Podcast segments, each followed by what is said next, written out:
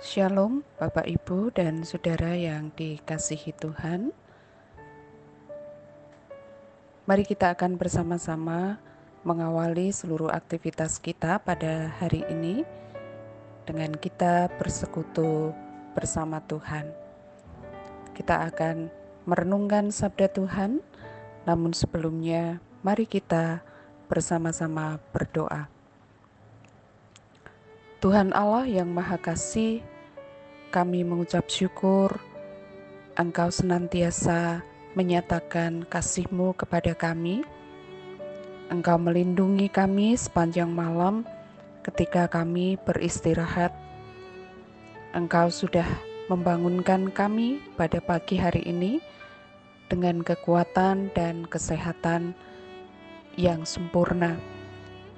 Terima kasih Bapak untuk segala berkat yang sudah Bapak sediakan bagi kami. Kami mengucap syukur untuk segala kepercayaan Tuhan untuk kami lakukan pada hari ini. Dan sebelum kami melakukannya, kami bersama-sama bersekutu di hadapan Tuhan untuk kami mendengarkan apa yang hendak Tuhan sampaikan kepada kami pada hari ini. Tuhan memberkati kami ketika kami membaca, merenungkan, dan mempergumulkan kebenaran firman-Mu ini. Terima kasih Tuhan Yesus, di dalam namamu kami berdoa dan mengucap syukur. Amin. Pada pagi hari ini kita akan bersama-sama merenungkan firman Tuhan yang saya ambilkan dari kitab Ayub pasalnya yang kedua ayat 9 dan ayatnya yang ke-10. Maka berkatalah istrinya kepadanya, Masih bertekunkah engkau dalam kesalehanmu? Kutukilah Allahmu dan matilah. Tetapi jawab Ayub kepadanya, Engkau berbicara seperti perempuan gila. Apakah kita mau menerima yang baik dari Allah tetapi tidak mau menerima yang buruk. Dalam kesemuanya itu, Ayub tidak berbuat dosa dengan bibirnya. Bapak, Ibu, dan saudara-saudara yang dikasihi Tuhan, Arthur Ase adalah seorang petenis kulit hitam dari Amerika. Pada tahun 1979, Arthur terkena serangan jantung yang mengharuskan dia menjalani operasi bypass. Dan setelah operasi dua kali, bukannya kesembuhan yang dia dapatkan, tetapi justru kenyataan pahit yang harus dia terima. Dia terinfeksi HIV melalui transfusi darah yang diterimanya. Pada saat itu, ada seorang penggemar yang menulis surat kepadanya dengan menuliskan, "Mengapa Tuhan memilihmu untuk menderita penyakit itu?" Arthur menjawab, "Di dunia ini ada 50 juta anak ingin bermain tenis.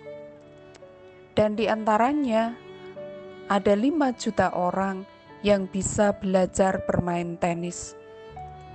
500 ribu orang belajar menjadi petenis profesional. 50 ribu orang datang ke arena untuk bertanding. Dan pada akhirnya, hanya ada empat orang masuk di semifinal dan hanya ada dua orang yang berlaga di final.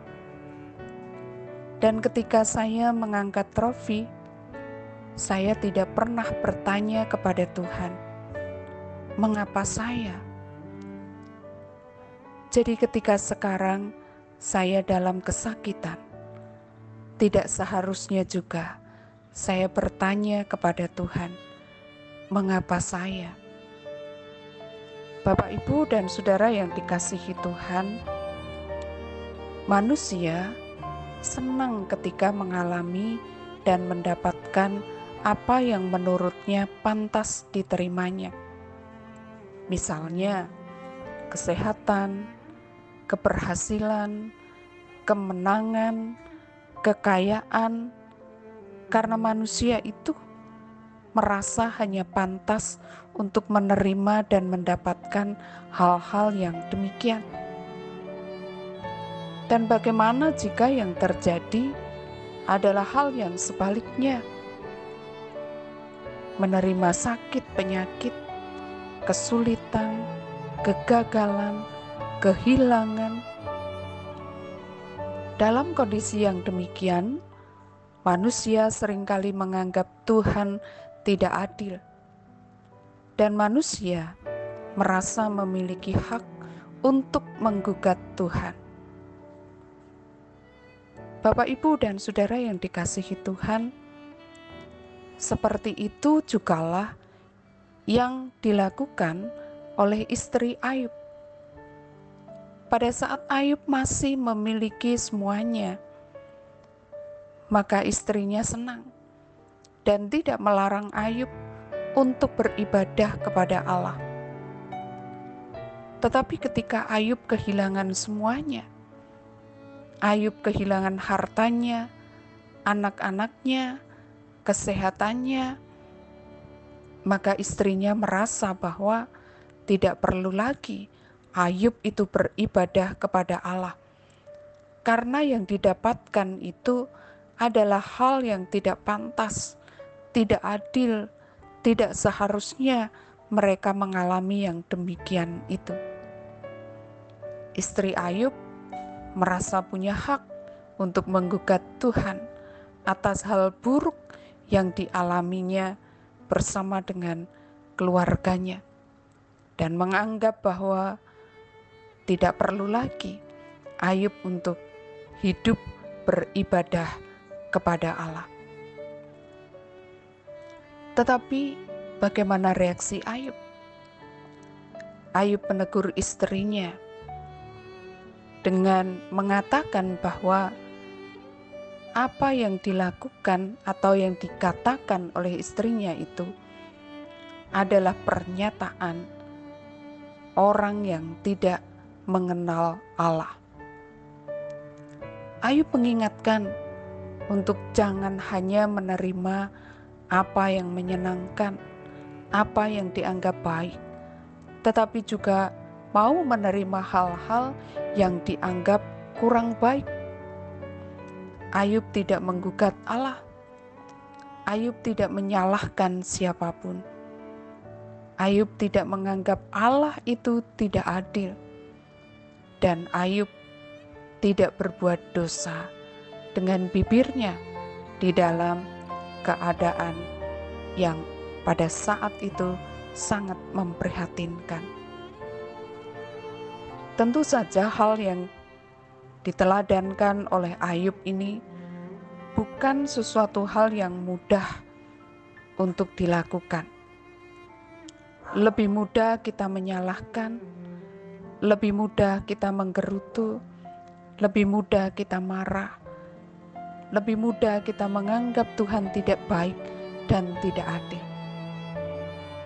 Tetapi percayalah, bahwa melalui kesenangan dan kesusahan, Tuhan memiliki rancangan baik. Suka dan duka dipakai oleh Tuhan untuk kebaikan kita, untuk menguatkan iman kita, dan untuk memurnikan kita. Kiranya Tuhan memampukan kita untuk kita hidup di dalam firman-Nya Tuhan Yesus memberkati. Mari kita berdoa. Tuhan Yesus, terima kasih Engkau telah menyampaikan kebenaran kepada kami. Terima kasih Bapa, dan biarlah firman ini akan melandasi seluruh kehidupan yang akan kami maknai pada hari ini. Apa pun yang terjadi dalam hidup kami, tidak ada sesuatu pun yang luput dari pandangan Tuhan. Kiranya Tuhan mampukan kami untuk kami memahami bahwa suka dan duka Allah pakai untuk mendatangkan kebaikan bagi kami. Dalam suka dan duka, Engkau tidak pernah meninggalkan dan membiarkan kami sendiri. Bapa, Engkau memberkati setiap doa-doa pribadi dari umatmu yang pada pagi hari ini dinaikkan di hadapan Tuhan. Engkau kiranya berkenan untuk mendengarkan dan Engkau berkenan untuk memberikan pertolongan atas setiap pergumulan yang dialami oleh umatmu, apa pun pergumulannya. Karena kami percaya Engkau sanggup untuk mengatasi segala sesuatu, jikalau Engkau berkenan untuk melakukannya. Engkau juga terus memberkati untuk para pemimpin bangsa kami, Tuhan menolong dalam berbagai macam upaya, tetapi juga dalam berbagai macam kesukaran oleh karena keterbatasan sebagai manusia. Tuhan menambahkan hikmat, Tuhan akan senantiasa memimpin. Engkau juga memberkati Bapa untuk sesama kami yang sedang dalam keadaan sakit. Tuhan menguatkan, Tuhan memulihkan, dan Tuhan memberkati setiap upaya yang dilakukan untuk mendapatkan kesembuhan. Hari ini kami serahkan di dalam tanganmu, biarlah kehidupan kami menjadi kemuliaan bagi namamu. Di dalam nama Tuhan Yesus kami berdoa dan mengucap syukur. Amin.